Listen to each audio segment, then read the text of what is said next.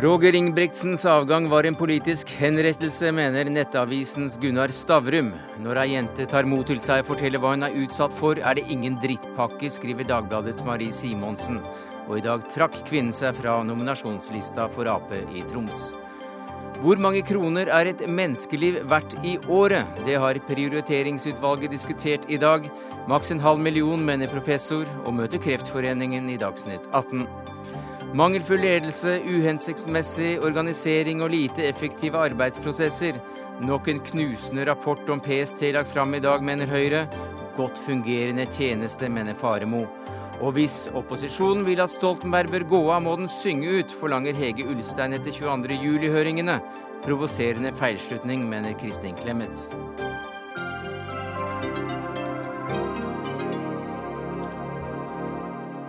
Ja, Det er noen av sakene i eh, Dagsnytt 18 denne mandagen, der vi også får høre hvordan Magnus Berfødt var skodd, og dessuten var en av Norges mest profesjonelle konger. Men vi begynner med Troms Arbeiderparti og nominasjonsprosessen der, etter at eh, listetopp Roger Ingebretsen trakk seg da det ble kjent at han hadde et forhold til ei jente på 17 for noen år siden. Nå er kvinnen 25, var på nominasjonsliste hun også, men i dag så trakk hun seg altså som kandidat for Ap i Troms. Og Hva er din kommentar til det, Bjørn Ingemo, du er leder i Troms Arbeiderparti? Nei, jeg syns jo at det er veldig trist at uh, hun har trukket seg fra lista. Ja, eh, Trist. Eh, hva sa hun eh, om sin begrunnelse? Jeg har ikke fått noe begrunnelse, men jeg syns det er trist. Men jeg har selvfølgelig respekt for den avgjørelsen hun har tatt.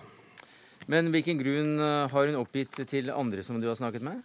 Jeg har egentlig ikke nådd å snakke med noen om den situasjonen som er oppstått. Jeg fikk melding om den når jeg kom hit til Tromsø nå i ettermiddag. Hvilke konsekvenser får dette også for det videre arbeidet for eh, nominasjonsmøtene deres? Nei, Vi er jo i en sånn situasjon at vi har jo nå et listeforslag. Når det gjelder førsteplassen, så var det jo sånn at det var jo et mindretall som, som hadde en dissens.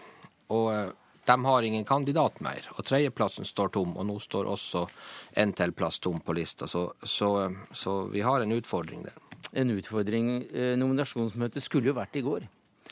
Nominasjonsmøtet skulle vært på, på, lørdag, på lørdag, og det er utsatt uh, fram til midten av desember. og Vi skal selvfølgelig drøfte saken. at nå har vi jo Med det siste som har skjedd i dag, så er det flere plasser som står tom på den lista. så så nominasjonskomiteen får en jobb å gjøre, og det er jo også viktig at den jobben videre framover uh, ivaretar ønsker fra kommunepartier rundt omkring så. Så, så, nå begynner det med helt nye kort?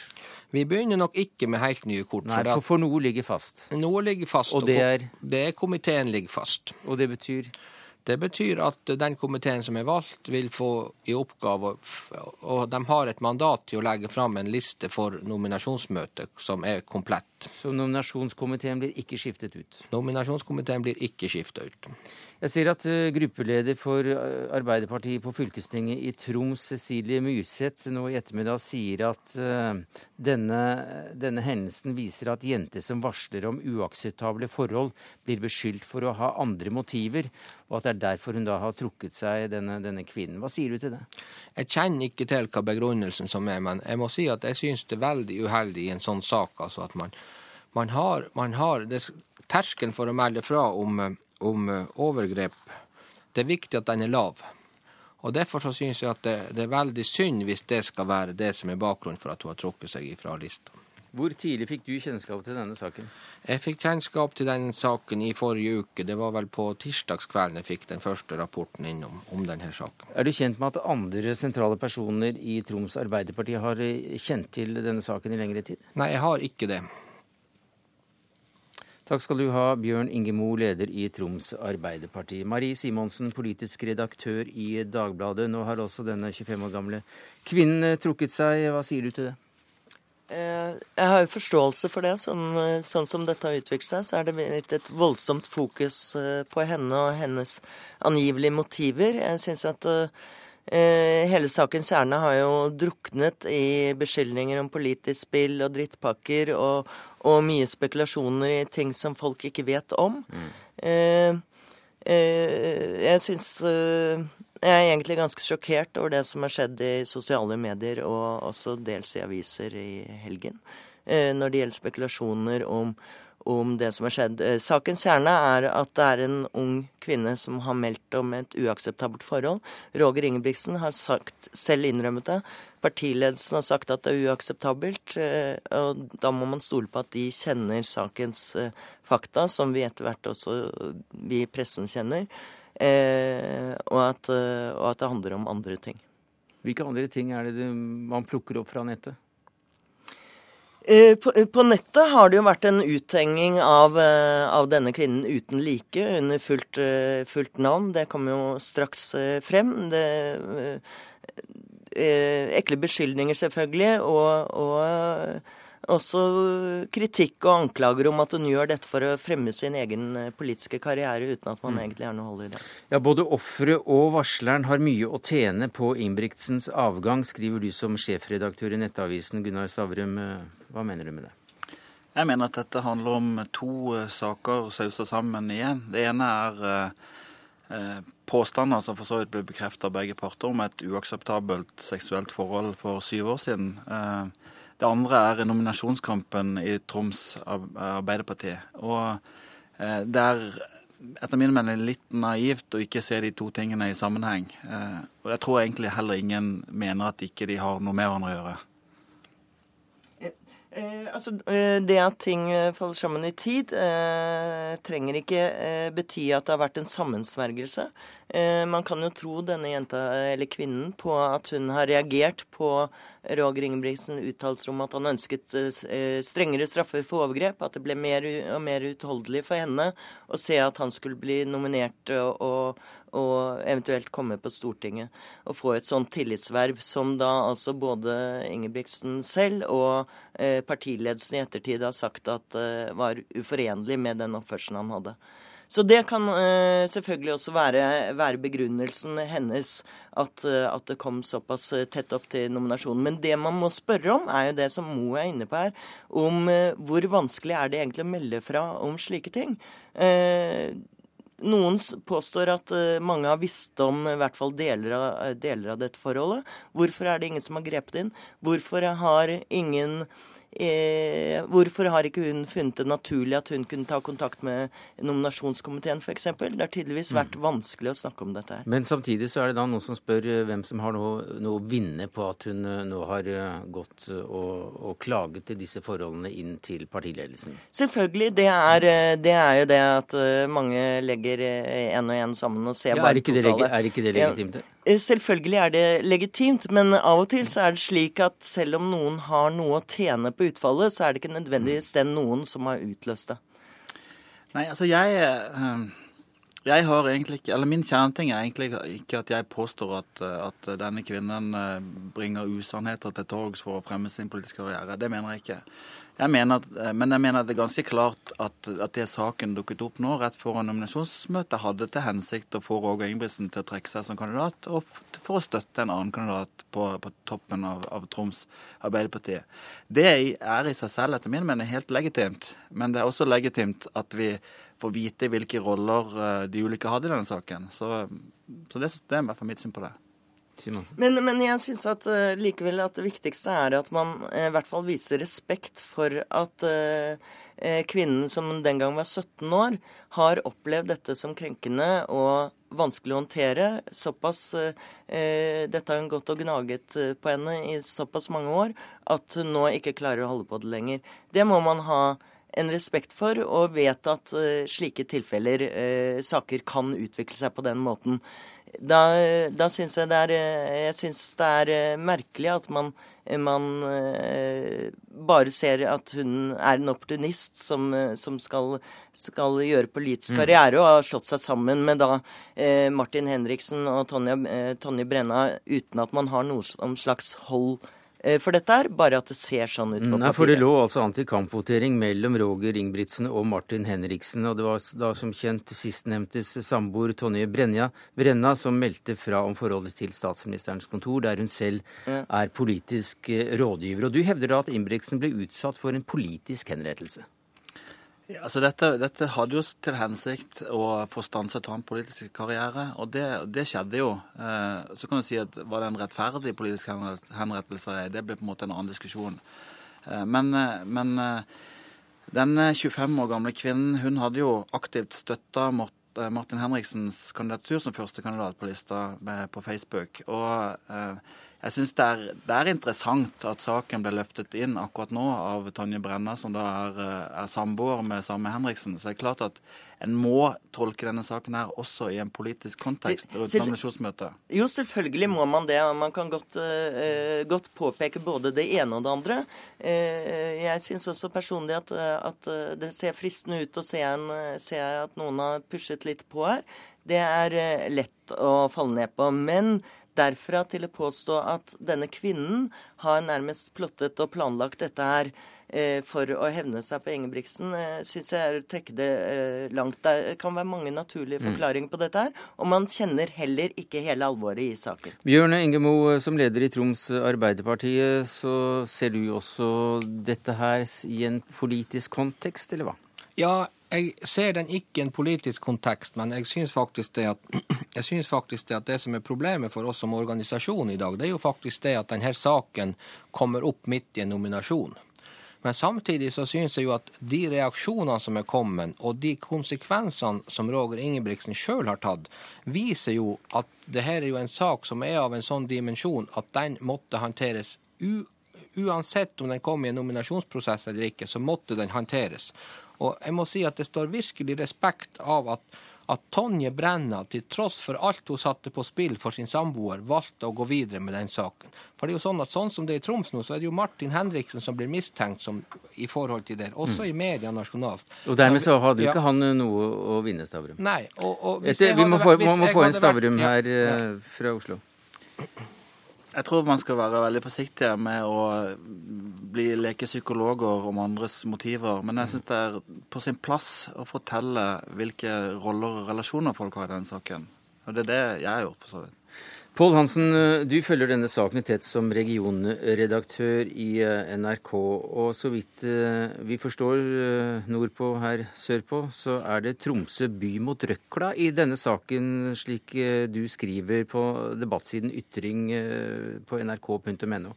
Hva står striden om? Ja, det er jo sånn det har utvikla seg. Dette er ikke en politisk strid. Dette er ikke fraksjoner i partiet. -hmm. Dette er geografi. Dette er Sør-Troms mot Tromsø. Tromsø hadde da samla seg om en kandidat som de har jobba systematisk for de, de, siste par årene. Lagt egget sitt i én kurv, og bare ett egg. Og nå er det egget borte.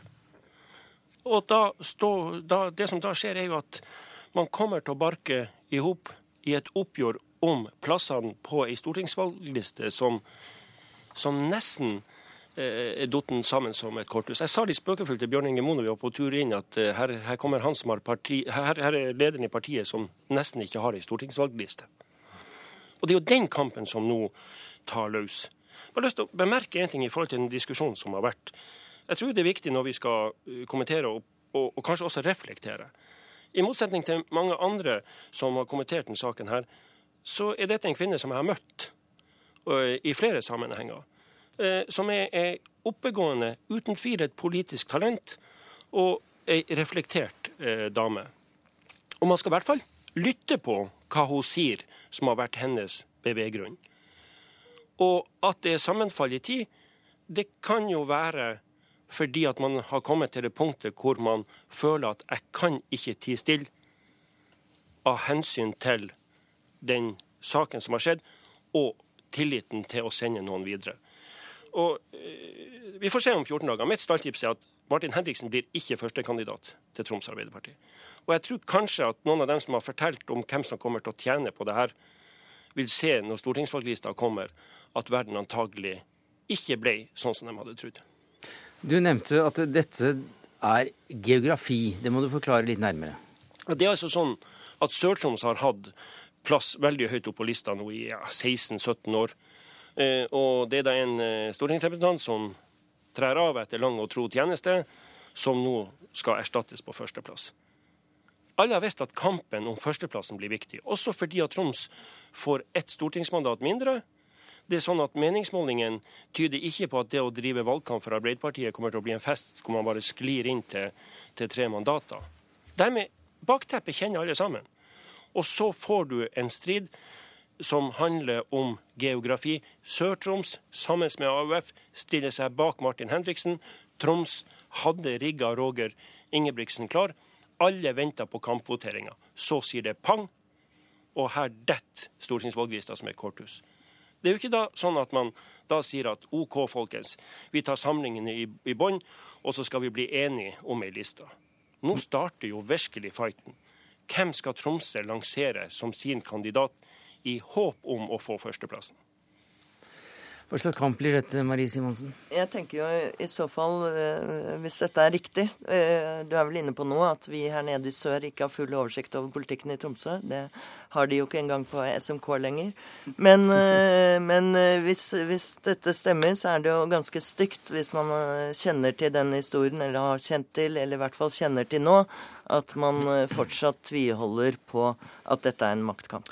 Alle involverte parter var selvfølgelig eh, invitert til eh, Dagsnytt 18, eh, men takk for at du kom, Marie Simonsen, politisk redaktør i Dagbladet, Gunnar Stavrum, sjefredaktør i Nettavisen, Pål Hansen, regionredaktør for NRK Troms og Finnmark, og Bjørn Ingemo, leder Troms Arbeiderparti.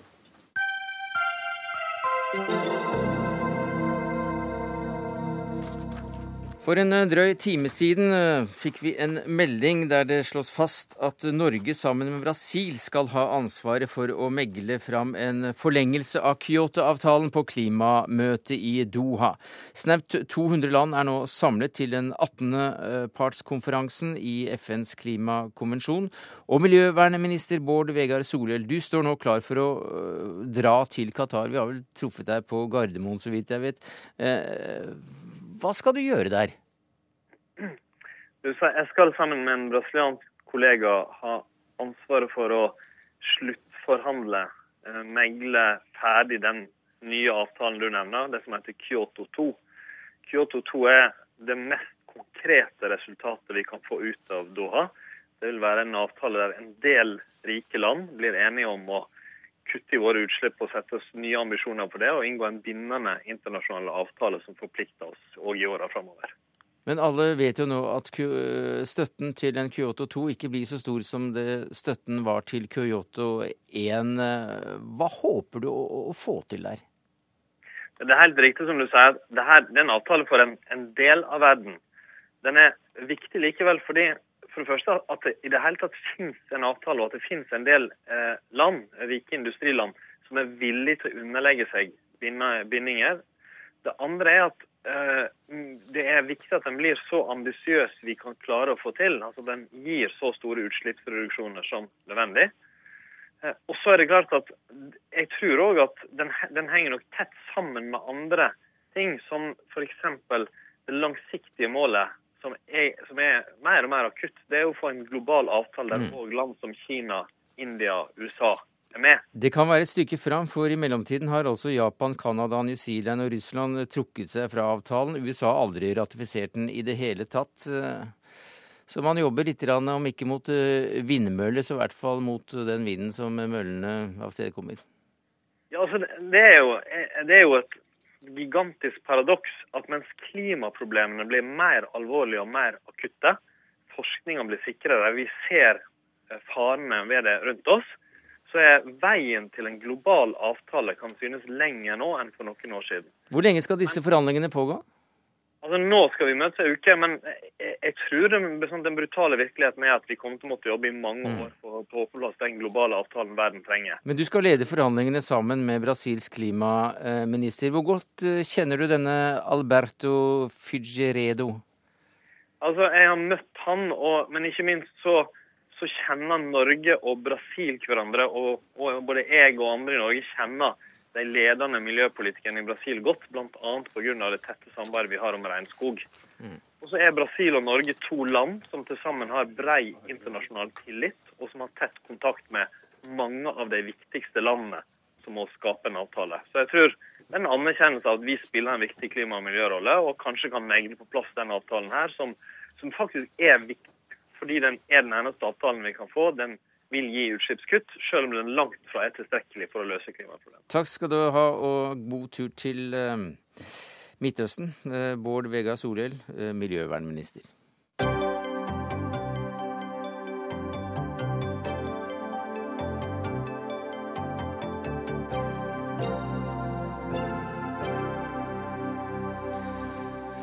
Ja, hvor går grensen for hva det skal koste å holde liv i et menneske i året? Hvor mye skal vi som samfunn bruke på å forlenge et liv i et år?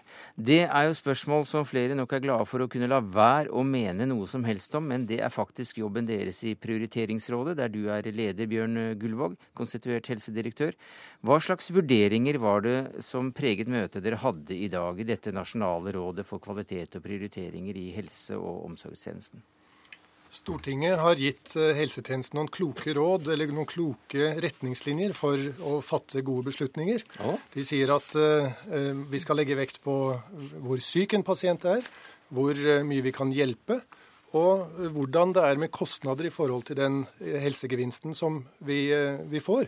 Og I dag så har vi drøftet dette forholdet mellom hva vi kan betale, og den helsegevinsten som vi får, som er ett av disse kriteriene. Ja, Hva tenker dere? Nei, I likhet med befolkningen for øvrig, så er eh, medlemmene i rådet litt uenige i forhold til dette. Og det handler jo om Alle, alle i rådet uh, tenker at det er nødvendig å prioritere i helsetjenesten. Det dreier seg om å gi noen forrang fremfor andre.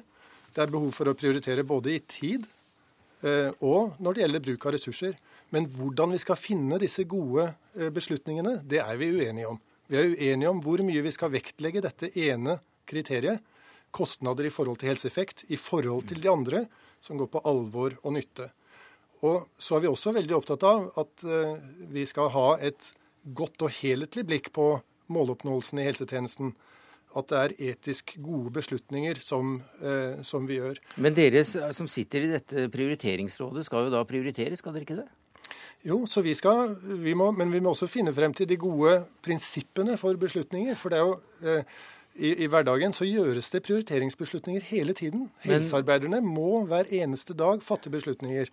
Og, og, vi må passe på at vi kan gi noen gode føringer eh, til hvordan disse beslutningene blir så gode som Så det skal komme noe mer ut av eh, arbeidet deres enn akkurat at dere sier at uh, dette er veldig vanskelig?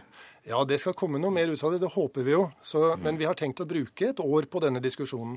Ja, for, for, for, vi tror også det er veldig viktig at vi engasjerer samfunnet bredt og får dette forankret bredt. Eh, slik at eh, det er tillit til de prioriteringsbeslutningene vi har i samfunnet. for Jeg ser jo at ulike land har valgt eh, litt ulike løsninger her. Storbritannia skal visstnok ha gitte grenser for hvor mye samfunnet skal bruke per pasient. En behandling som kan gi et godt leveår, kan maksimalt koste 350 000 kroner. Hva sier du til en slik sum? Det er bare Storbritannia som har laget en slik eksplisitt grense. Er det en vei å gå? Vi, eh, her er det uenighet i rådet, og jeg er selv på leting etter mm. den gode eh, veien til, til å liksom finne disse gode beslutningene. En sidemann her ønsker det mm. systemet, og eh, kvinnen på min andre side hun ønsker det slett ikke. Men nå så... har du snart introdusert hele panelet mitt, så jeg går rett til deg. Ivar Sønbø Kristiansen, som professor i helseøkonomi ved Universitetet i Oslo, så har jo du meninger om dette her. Hva slags grense mener du man bør tenke seg? Vi har ikke nok erfaring til å eh, sette noen eh, skarp grense i dag. Eh, men etter min mening er det behov for å få en slik grense. Og argumentet er simpelthen at de prinsippene som helsedirektøren nevner, de har ligget på plass i mange år. Ikke desto mindre er det minst to alvorlige svakheter ved dagens prioriteringssystem. og Det ene er at prioriteringene sjelden er åpne. Så vi vet ikke hva argumentene er. Og det andre er at en del av de prioriteringene åpenbart ikke er eh, gode. Og et eksempel kan f.eks. være at uh, vi har 300 dødsfall per år av unge mennesker med narkotikamisbruk som dør, og som kunne ha vært reddet hvis vi hadde hatt bedre tiltak. Mm. Det er mange eksempler på ting som kunne ha vært høyere prioritert. Så, så det prioriterer, Poenget ditt er også at det prioriteres den dag i dag?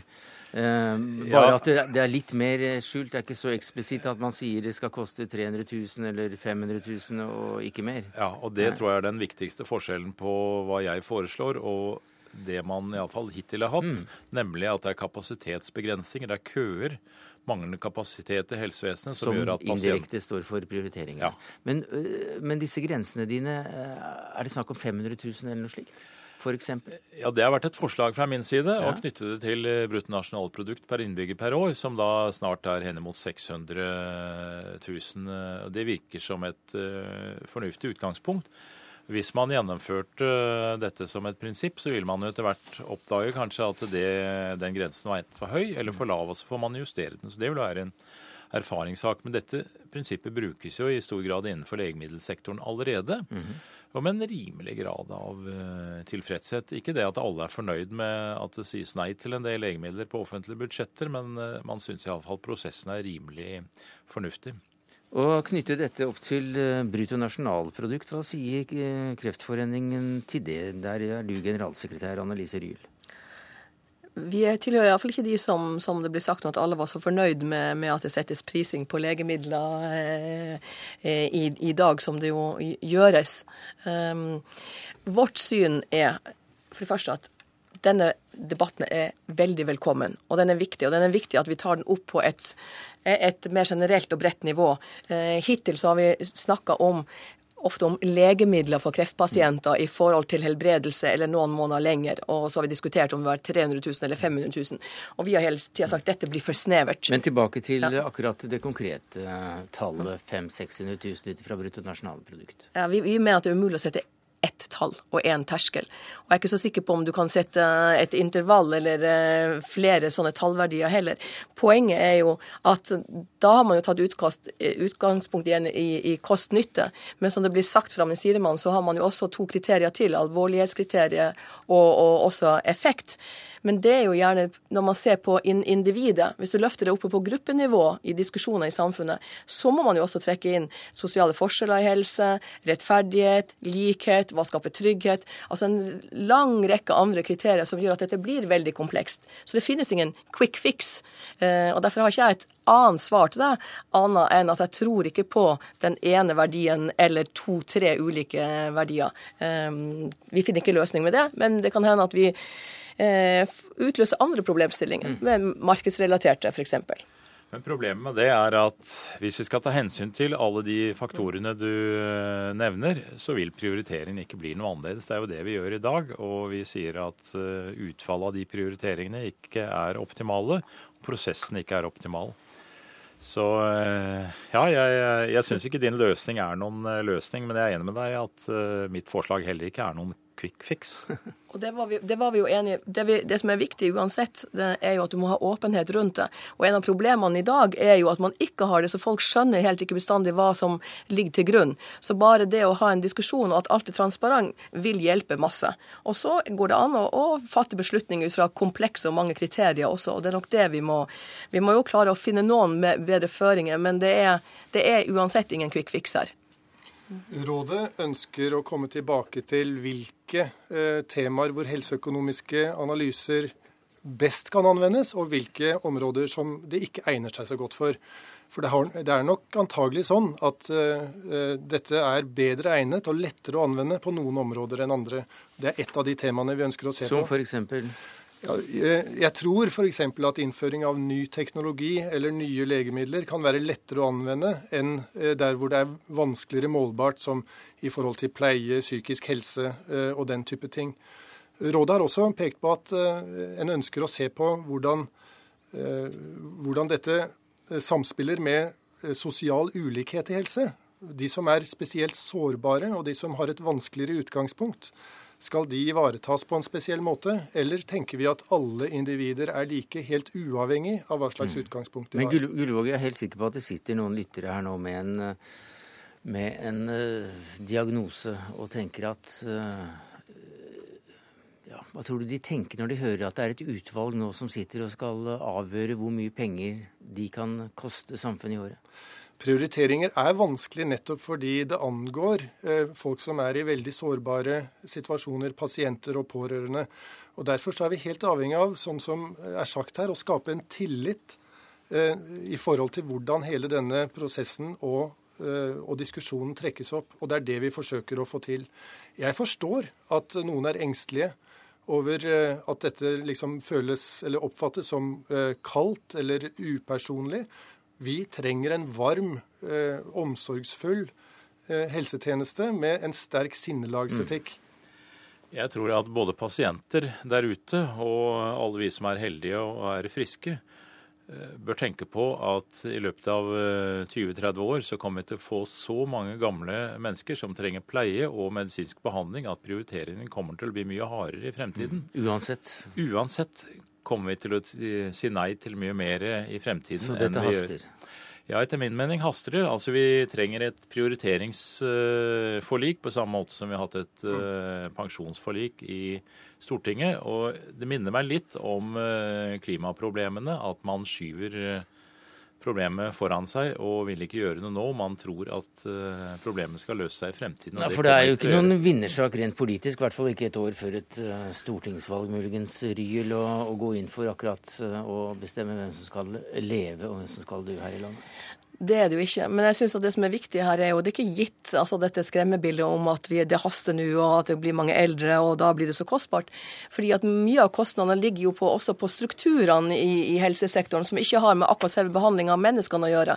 Sånn at, eh, og med IKT-løsninger og andre ting. Du kan gjøre en god del ting så du kan spare i andre enda. Mm. Sånn at eh, jeg syns det er veldig galt at vi også tar tar og gi det, det, bildet. Det som er viktig, som jeg har lyst til å kommentere på, ja, det er, lett, ja, det er lettere å, sette en pris når vi snakker om legemidler og sånn. Det er ikke dermed sagt at det blir rettferdig. At bare fordi det er vanskelig å prissette kost-nytte på andre områder, så kan det koste ti ganger mer enn akkurat med legemidler. Og politikerne må vel ta stilling til dette i god tid etter neste stortingsvalg? Ja, I Norge så er det jo eh, politikerne som styrer og leder helsetjenesten vår. Når? Eh, jeg tenker at vi kommer ut med våre råd i løpet av eh, ett til to år.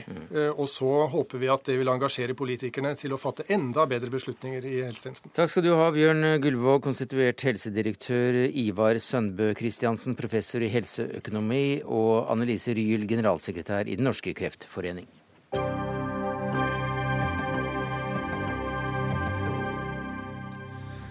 Ledelsen og arbeidsmetodene i Politiets sikkerhetstjeneste får krass kritikk i en utvalgsrapport som ble lagt fram i dag. Rapporten konkluderer med at PST ikke har fulgt med i timen når det gjelder utviklingen i trusselbildet, ikke vært flinke nok til å se det store bildet. Utvalget mener det har rammet og hemmet strategiske endringer og nye sider ved utviklingen av Etterretningstjenesten, som de definerer som statisk, tradisjonsbundet og en baktung organisasjon. Var det noe mer da, Kim Tråvik? Du ledet utvalget. Nei, Jeg syns du fikk med en god del av det vi sa av generell og overgripende karakter. Men jeg la jo også til at uh, det er mye som skjer i PST, og som jobbes med i PST, som blir jobbet med på en god og systematisk måte også. Så det er ikke utelukkende svart. Men apropos den forrige runden vi hadde her. Hvis, hvis, dere også ble satt til å prioritere, hvilke av disse 50 forslagene til endringer mener dere det haster mest med? Ja, jeg tror det er veldig vanskelig å si om det, at det er noen spesifikke eh, forslag som haster mest med. Jeg tror det haster å gjøre noe med alle de problemene vi har snakket om. Der mistet vi Kim Tråvik, som til daglig er ambassadør i London. Det var vel en telefon fra Heathrow. Vi, vi eh, prøver å ringe opp igjen, får jeg vite noe av uh, vaktsjefen her. Eh, Grete Farmo, du er jo justis- og beredskapsminister. og Det er dere som hadde bestilt eh, denne rapporten også. Uh, og du uh, sier at, uh, til Dagbladet uh, at PST er godt en godt fungerende tjeneste. Ja. Da vet ikke jeg helt hvem jeg skal stole på. Ja, jeg sa som faktisk også Kim Tråvik innleda med da han presenterte rapporten, det er en godt fungerende tjeneste, men også med et stort forbedringspotensial. Ja, hvor stort? Vi har fått eh, mer enn 50 forbedringsforslag eh, på bordet i eh, det som jeg også har kalt en velsigna konkret rapport. Så vi vil ha mye å ta fatt i. Mm. Så det er altså en godt fungerende tjeneste, men som da utvalgsrapporten konkluderer med er statisk, tradisjonsbundet, baktung. Som ikke klarer å se, løfte blikket og se utviklingen i trusselbildet. Allikevel så er den altså en godt fungerende tjeneste organisasjon? Ja, og Det er oppsummert med at det derfor må for det første etableres en sterkere etatsstyringsdialog på strategisk nivå, og at organisasjonen også bør endres. Her har PST-sjefen fått eh, verdifulle forslag på bordet i den endringsprosessen som hun allerede har eh, lagt opp til å gjennomføre. For mm. endringsvilje er viktig, og nå skal det også gjennomføres, altså vises evne til endring. Men vel, du må vel være mor til barnet for å elske dette barnet her i denne rapporten? For eh, når du sier at den er eh, velfungerende, denne PST-organisasjonen, og rapporten sier at ikke de har fulgt med time når det gjelder utviklingen i trusselbildet, ikke vært flinke nok til å se det store bildet og er hemmet strategiske endringer og nye sider ved utviklingen av etterretningstjenesten, statisk, tradisjonsbundet, baktung? Ja, det sier jo mye om hvorfor det er nødvendig å gjøre endringer. Men mm. PST, Vel, velfungerende? PST er også en viktig samfunnsinstitusjon som har gjort en god oppgave gjennom eh, lang tid. Mm. Og at de så har, eh, som det står i rapporten, på en del områder eh, stivna og derfor må utfordres, mm. det synes også å være heve over enhver tvil. Jeg har lyst til å si også at dette er jo en uh, tjeneste som er avhengig av mm. tillit, og jeg er veldig glad for den rapporten som nå har kommet fra det eksterne utvalget. Det tror jeg mm. også er viktig tillitsbyggende tiltak i seg selv. Anders Werp, du sitter i justiskomiteen for Høyre. Hvordan vil du eh, karakterisere denne rapportens omtale av PST? Det er en viktig og det er en nyttig rapport. Eh, vi har etterlyst en slik rapport i lang tid fra Høyres side. Og jeg forstår eh, veldig godt eh, justisministerens svar på dine gode spørsmål. Fordi det er, det er, all grunn til å understreke at det er mange dyktige medarbeidere i PST som gjør en strålende jobb. Men rapporten peker jo også oppover fra PST og peker på at det har vært en stor grad av detaljstyring fra Justisdepartementet av PST, som man påviser eh, har hemmet eh, PSTs mulighet til å utvikle sin tjeneste slik ja, Hva slags kritikk mener du rettes mot departementet i denne rapporten? Det har vært en detaljstyring fra departementets eh, side. Og det har vært en svak og dårlig styringsdialog, som det omtales i, i rapporten. Det er viktige og alvorlige signaler for Justisdepartementet. Ja, det er helt riktig at det er påpekt et stort enkeltsaksfokus. Og det er også forslag til endringer for å sikre at det settes eh, større fokus på strategiske, overordna spørsmål, og ikke minst i etatsstyringsdialogen med Justisdepartementet. Og det ønsker jeg å bidra til å få til. Hvem har hatt ansvaret for det? Hvordan dette har utvikla seg over år, skal jeg eh, ikke ha noe sterk formening om det er viktig at vi nå gjør endringen, og at vi gjør endringene både i styringsdialogen og også, som det er foreslått her, gjennom organisatoriske grep i tjenesten. Men tar du på vegne av eh, departementet da selvkritikk? Jeg har fått eh, et godt grunnlag for endring på bordet. Og ikke det jeg spurte om.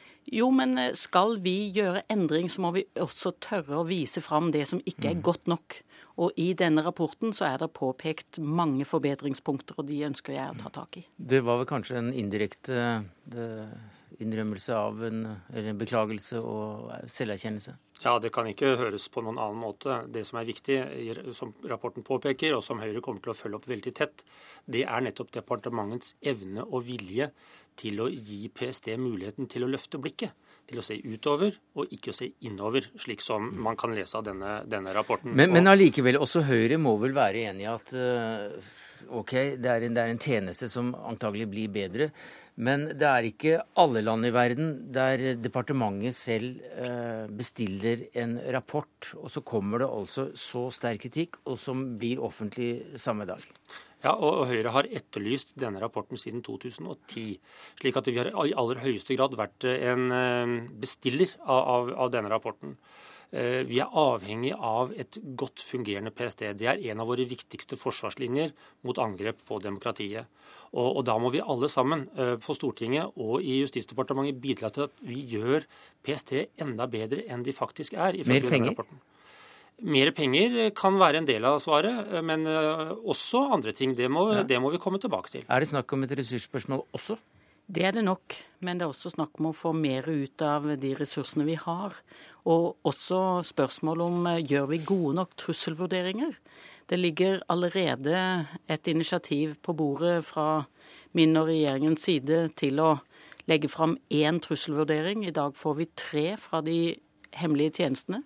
Med å samordne ressursene bedre, få én samordna trusselvurdering, så tror jeg også vi får et bedre grunnlag for PST til å gjøre en god jobb. Ja, for Det er i det siste avdekket eh, en stor mangel på eh, kommunikasjon mellom disse ulike tjenestene?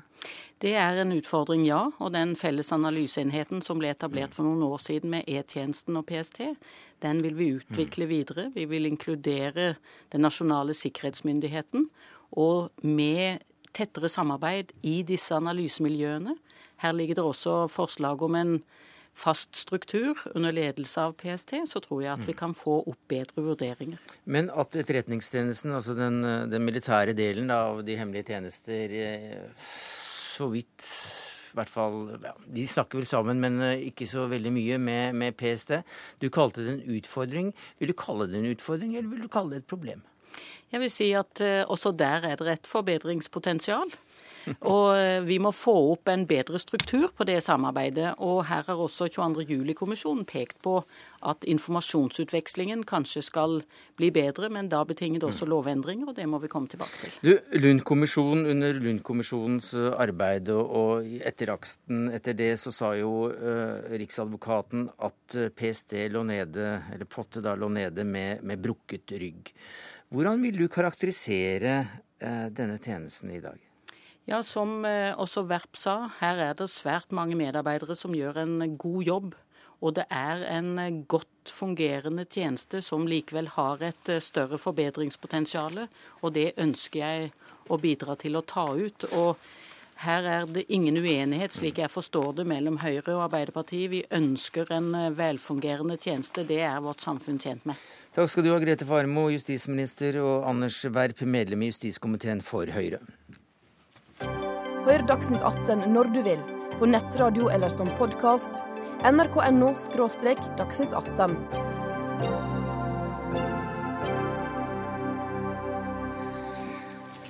Ja, gikk han barbeint i all slags vær, denne sønnen til Olav Kyrre? Det spørsmålet jeg har fått i dag, du. Eh, da svarte det at eh, hvis det var kaldt, så har han sikkert fått eh, skatt fra samene. Så gikk han i sånne gode skaller og var veldig varm. For Randi Helene Førsund, du har skrevet denne boka om Magnus Berfødt. Mm. La oss ta dette med navnet Født. Det, det, skyldes, altså, nei, først, det skyldes altså ikke akkurat skoene.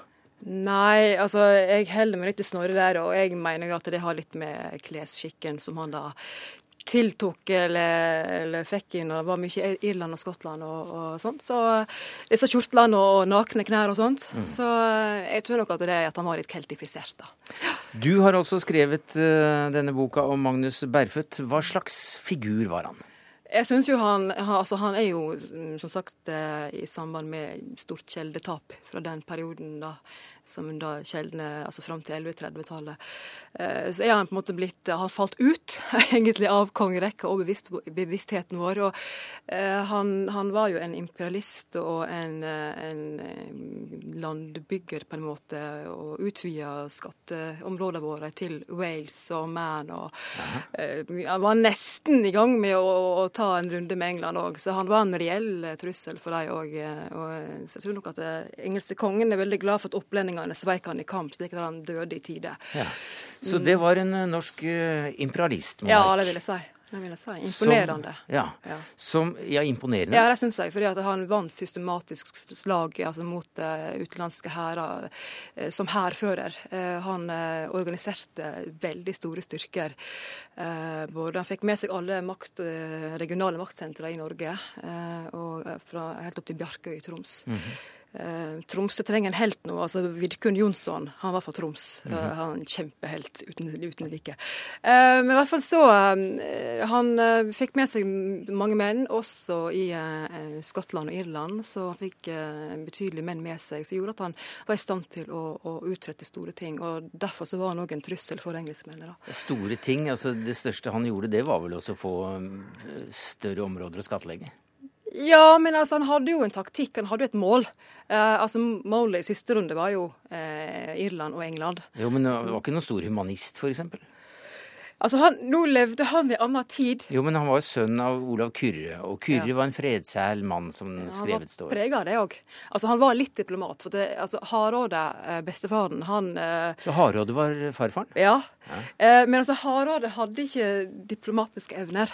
Eh, slik at han, eh, han slakta ned all motstand eh, og måtte tvinge til seg Akkurat som jeg måtte tvinge til meg støtte i mitt fylke for å få filmen igjennom. Men, eh, men, eh, men du kan si at han, han hadde en diplomatisk eh, framferd som jeg tror nok kommer fra Olav Kyrre. Ja. Så Hardråde døde vel da i 1066, og Nei, eh, ja, Hardråde, ja. Hardråde, ja. mm. og, og sønnesønnen døde da altså i 1103. 1103. Mm. Så da snakker vi om helt tampen av vikingtida for, for dem begge. Ja, jeg mener at eh, Magnus setter punktum for, for vikingtida. Mm. Men du har da altså ikke bare skrevet denne boka i Spartacus og Sagabok-serien. Du forsker også på denne mannen Magnus eh, Berfødt, skal levere en avhandling. Og du jobber med en spillefilm med Nils Gaup mm. som eh, regissør. Og det er noen år siden da du fikk denne ideen om, eh, om en spillefilm om bærføtt? Ja, jeg begynte da tolv år. 12 år gammel. Eh, så, ja, men det var historien om Gunhild, da. Jeg, eh, Som etter hvert ble Gunhild fra Vik og sånt. Og så, eh, men nå har jeg nettopp vært med eh, diskuterte det her med noen store karer borte i Irland som mener at eh, de syns kvinnen er så spennende. Ja. Så, liksom bare, Så filmen kommer til å vris den veien? Ja, men altså, kvinner er interessante fordi at de det de gjorde, men også fordi at i, i kjølvannet av Magnus Berfødt. Slik at den kombinasjonen gjør at disse kvinnene er veldig spennende. Da. Så, så det er en litt ny type vikingfilm der uh, kvinnene kommer fram. Ikke i regi av uh, at de er gift med noen, men i kraft av dem sjøl og egne handlinger. Men du allikevel også, hva var det som fikk en tolv år gammel jente fra Sogn og Fjordane til å bruke tiden på Magnus Berfødt, mens dine jevnaldrende besvimte av Michael Jackson og Bon Jovi? Jeg besvimte av Def Leppard. Altså jeg, men altså, jeg, jeg, jo, altså, jeg begynte jo som sagt med hun Gunhild, da.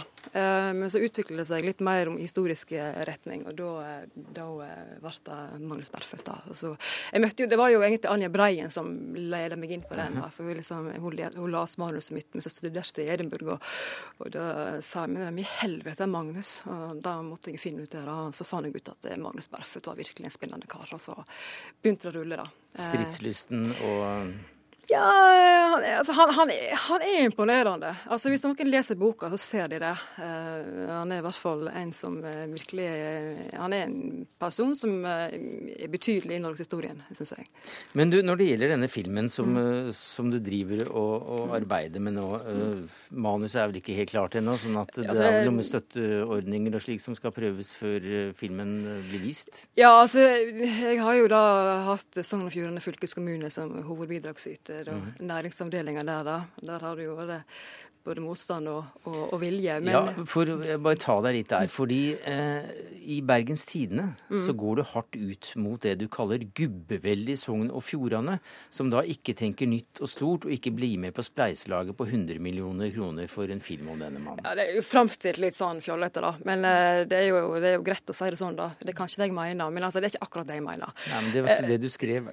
Har jeg skrevet det? Ja vel. Ja, dette er litt lenge siden. Dette her er liksom tilbake til Harry-debatten i 2006, tror jeg. Men altså, nei, altså Sogn og Fjordane har ikke historie sånn som Finnmark med, med filmskaping. sant? Altså, men, og vi taper mye folk. Vi har større, vi taper mer folk enn Finnmark. Og, men samtidig så har, mener jeg at Sogn og Fjordane har veldig mye. Men at vi holder litt for mye for oss sjøl. Altså, vi er litt sånn godt bevart hemmeligheter. Og, og fylkeskommunen har jo da gjort det mulig for Bærfødt-prosjektet at vi har kunnet klart å holde det gående hele tiden. Og det er ganske spesielt med en så stort prosjekt. Så, så, men det har jo vært prosesser, og det har ikke vært lett. Mm. Men, men, vi har klart det. Og, ja. Randi Helene Førsund, vi vi må, nesten slutte med slutten her. For det går jo ikke så bra med kongen din. Han tar, klarer jo ikke å ta England. Og han blir, som du sa, sveket uh, av Opplendingene, ja. ja. Det blir han til de grader. Altså, det henger sammen òg med Hardråde, eh, som slakta ned nesten alt som var aristokrater i Oppland for at de ikke ville skatte til han. da. Så alt dreier seg om, om, skatt og makt og ære. sant? Eh, det var ikke noe så mye sexskandale da, men det var i hvert fall skatt og ære i høgsetet. Eh, ære tror jeg ikke er så viktig lenger. Men, eh, men altså, jeg syns han, han, han klarte mye på de ti åra han var konge. Og, og, men altså, han, han, kunne ikke da stole på sine egne menn, og det er sånt skjer, dessverre. Takk skal du ha, Randi Helene Førsund, forfatter av boka 'Magnus Berføt' og filmskaper.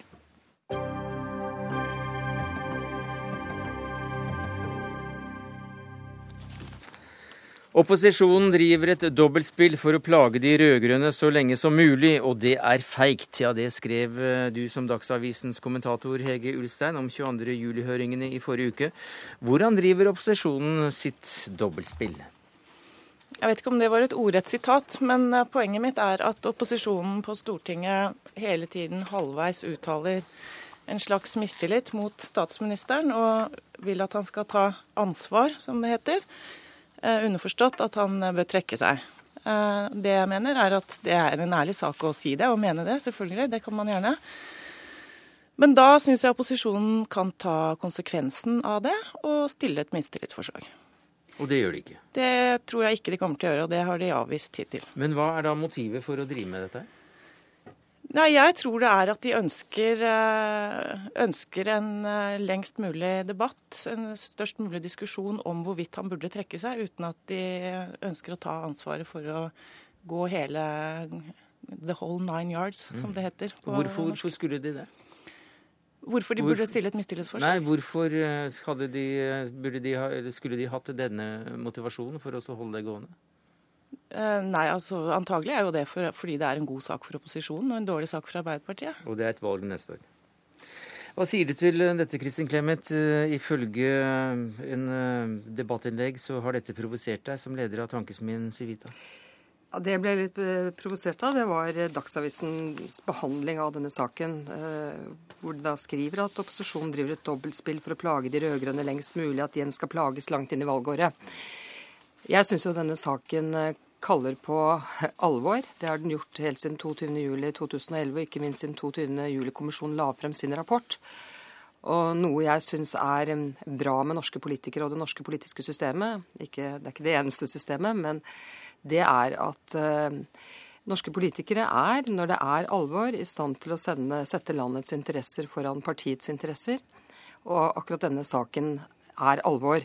Eh, og når Dagsavisen da etterlater inntrykk av at det er spill og spetakkel og taktikkeri, så føler jeg det nesten som støtende som borger. Mm. Eh, for dette her må tas på alvor, og jeg tror også at politikerne gjør det. Jeg sier ikke at det ikke er et element der av taktikk osv., det er det som regel i politikk. Men det er ikke noe særlig alternativ for opposisjonen heller til å ta dette mm. veldig stort alvorlig. Så må jeg bare si at jeg tror de er inne i en helt ordinær saksbehandling. fordi nå har de hatt høringer i kontroll- og konstitusjonskomiteen. 18.12. skal eh, saksordføreren legge frem et forslag til hva komiteen skal møte og mene om disse høringene. Og så vil partiene ta stilling til mistillit eller ikke. Mm. Ja, og jeg tror ikke det kommer til å ende med mistillit. Og det er ingenting som tyder på det. På det. det er ingen i kontroll- og konstitusjonskomiteen som, eh, som er åpne. Altså, det har vært noen få antydninger uh, innimellom. Men, men det er en ordinær saksbehandling, altså ikke preget av, av spill og for spillets skyld og for å hale ut tiden og ødelegge et valg for uh, motstanderen? Nei, men altså jeg tror alle som kjenner politikk, og det gjør Kristin Clemet, hun har vært toppolitiker i mange år, vet at det vil alltid være et element av spill, og også et svarteperspill i alle saker. og uh, jeg kan ikke se at det er noe uverdig eller noe sånn at man fokuserer på spillet eh, fra Arbeiderpartiets og Jens Stoltenbergs side ved å bli sittende. Tvert imot så tror jeg at dersom han hadde valgt å trekke seg, sånn som Kristin Clemet og VG og en del andre aktører har oppfordret han til, hva, hva, hadde, hva hadde vi hatt da? Da tror jeg han hadde fått et hardkjør fra opposisjonen uten like. Jeg tror at det hadde blitt tolka som at han benytter seg av en nasjonal tragedie til å forlate makta på et mm. strategisk eh, viktig tidspunkt for Arbeiderpartiet. Eh, i en situasjon hvor han ligger an til å tape neste års valg, og i en situasjon hvor Høyre har vært stabile og veldig sterke på meningsmålene i lang tid. Jeg tror det hadde blitt tatt imot veldig, veldig dårlig. Mm. To, to, ting her. Altså, det ene er at jeg, siden jeg har vært i politikken, vet at det også er spill og taktikkeri der. Det vet jeg naturligvis. Men det jeg tror hele denne saken har avslørt, er at det er mye mer alvor i politikken et pressen har, enn det egentlig har gått opp for pressen. Altså Politikken blir ofte bedømt som eh, et slags teater, et slags skuespill. som som oppfører seg hensyn til kommentatorene, men det er noe veldig viktig som skal skje bak der, og som har sviktet. Og det som har sviktet, det er eh, hvis vi skal sette ett ord på det, det er ledelse. Det er politisk ledelse, og det er ledelse i forvaltningen. Gjennomføringskraften har sviktet. Det går utover tilliten til forvaltningen, og det er veldig alvorlig. Mm. Og Derfor mente jeg, men jeg er ikke opposisjonen, men jeg mente den dagen 22. juli-kommisjonens eh, rapport ble fremlagt, at det kanskje beste hadde vært om eh, statsministeren og regjeringen trådte tilbake. Men da, men da sier jo, eh, da, da, sier jo Ulstein her at da hadde jo automatisk Høyre, eller i hvert fall høyresida, og og, og kanskje Siv Jensen måtte stå fram? Ja, Slik er det i hvert fall ikke. Altså Grunnen til at man da eventuelt skulle tre tilbake, måtte være for å understreke alvoret i dette. Fordi det er ganske vanskelig å tenke på hva lederansvar skal bety i fremtiden hvis denne saken skal føre til at faktisk ingen går av som følge av denne saken. Mm. Hvilke, hva er det da som skal til for at eh, ledere skal måtte gå av politiske ledere, og i og for seg også andre ledere? Men, skriver, Men til dette med at eh, du, nei, Siv Jensen ja, ja, ja, nettopp. Også, ja. for, for, du skriver jo at dette er en feilslutning. At ja, det, er Siv Jensen som hvis, da hadde blitt kallet til kongens bord. Hvis en regjering går tilbake, nei, trer av, så vil jo den avgående statsministeren eh, gå til kongen og gi kongen råd. Og det rådet kan være å søke, gå til den parlamentariske lederen i det største partiet, i det nest største partiet, kanskje gå til alle de parlamentariske lederne, kanskje gå til stortingspresidenten. Eh, så han eh, eller hun, som er en avgående statsminister, kan gi flere råd. Og så er det opp til kongens skjønn å bedømme hvem som kan samle den største grupperingen bak seg. Og Derfor har jeg ment at det er ikke gitt dersom statsministeren hadde trådt tilbake og regjeringen hadde trådt tilbake, at ikke Arbeiderpartiet eller han kunne få mm. en form for fornyet tillit. Kanskje i en annen konstellasjon, men i hvert fall slik at fordi det å gå tre av, det er på en måte, da legger man litt av fortiden bak seg, og så kan man mm. bli enige om en plattform for å gå videre. Dette her syns jeg er veldig merkelig, rett og slett. Altså, dette er sånn skrivebordstanker som, som er veldig løsreva. Nei, det er parlamentarisme. Fra, nei, det er, det er, ikke sånn eh, det fungerer. Altså, Hvis han da skulle ha pekt på parlamentarisk leder fra det største partiet, så ville det blitt eh, Helga Pedersen da, som skulle blitt statsminister. Og det største opposisjonspartiet på Stortinget er Fremskrittspartiet. Det hadde blitt Siv Jensen. Og at, eh, Hva i alle dager skulle vært poenget med at Jens Stoltenberg trekker seg, og så skal han gå til kongen og, gi, og anbefale kongen å peke på han en gang til? Altså, det er jo det syns jeg virkelig er eh, en veldig rotete og rar reaksjon men, på en veldig alvorlig sak. Og jeg tror, bare for å ha sagt det på Dagsavisens vegne, hvert fall så tror jeg at våre lesere er meget klar over at vi tar mm. denne saken på det største alvor, og også det spørsmålet her. Og vi driver ikke og prøver å konstruere mm. noe spill eller tull eller rot. Eh, men la oss ta dette sånn konstitusjonelle først. Nei, men altså, ja, Når det står på forsiden som en objektiv sannhet at Jens skal plages langt inn i valgåret, så virker det som man konstaterer at det foregår et spill. Nei, jeg mener at det er helt klart at det er ikke med nødvendighet slik at uh, statsministeren skal gi kongen råd om å uh, gå til uh, Siv Jensen. Altså, Han kunne sagt at kongen burde søke råd hos stortingspresidenten. Han kunne ha sagt at han burde snakke med alle de parlamentariske lederne. Det er ikke noe og dette har skjedd før. altså bare, alle De som husker Kjell Bondevik som var såra av Vonbråten, var jo ikke et eksempel på en eh, som kom fra et mindre parti, som trodde han hadde et flertall bak seg, og så sviktet Senterpartiet, og så ble han såra av Vonbråten. Sånn at eh, jeg tror ikke du refererer det parlamentariske systemet korrekt. Eh, og jeg mener... Det tror jeg. Ja vel. Ja. ok. Men da kommer vi ikke videre med det. Men det er i hvert fall min oppfatning at det har eh, vært fullt ut mulig for statsministeren, dersom han hadde trådt tilbake etter 22. juli-kommisjonens rapport, og på en måte søke eh, en, Konsultere mhm. Stortinget, kanskje søke en fornyet tillit. Ja, og til og med, til og med, ja, nettopp. Til og med ta, ta med et par regjeringsmedlemmer fra opposisjonen, skriver du. Jeg syns jo dette er en veldig veldig alvorlig situasjon for landet. Det som er blitt demonstrert, er at vi mangler gjennomføringskraft, at det er eh, tillitssvikt mellom forvaltningen og eh, politisk ledelse, at det har sviktet med beredskapen, at mennesker kunne vært reddet. Denne rapporten var så sjokkerende at statsministeren selv var rystet og overrasket. Selvfølgelig kunne man da kanskje samarbeidet om det arbeidet som skal gjøres mm. for å gjenopprette tilliten. Hva sier du til Hege Ulstein? Er du blitt mer eh, overbevist om at spill er det i hvert fall ikke? Nei, jeg har ikke det. Og jeg tror eh, helt eh, seriøst at mm. ti mm. måneder før et stortingsvalg så ville en sånn framgangsmåte blitt eh, tatt mm. veldig dårlig imot. Takk skal du ha, Kristin Clemet, leder i Tankesmia Civita, Hege Ulstein, kommentator i Dagsavisen. Det var det vi rakk i Dagsnytt 18 denne mandagen, takket være Dag Dørum, Odd Evenrud og Sverre Tom Radø.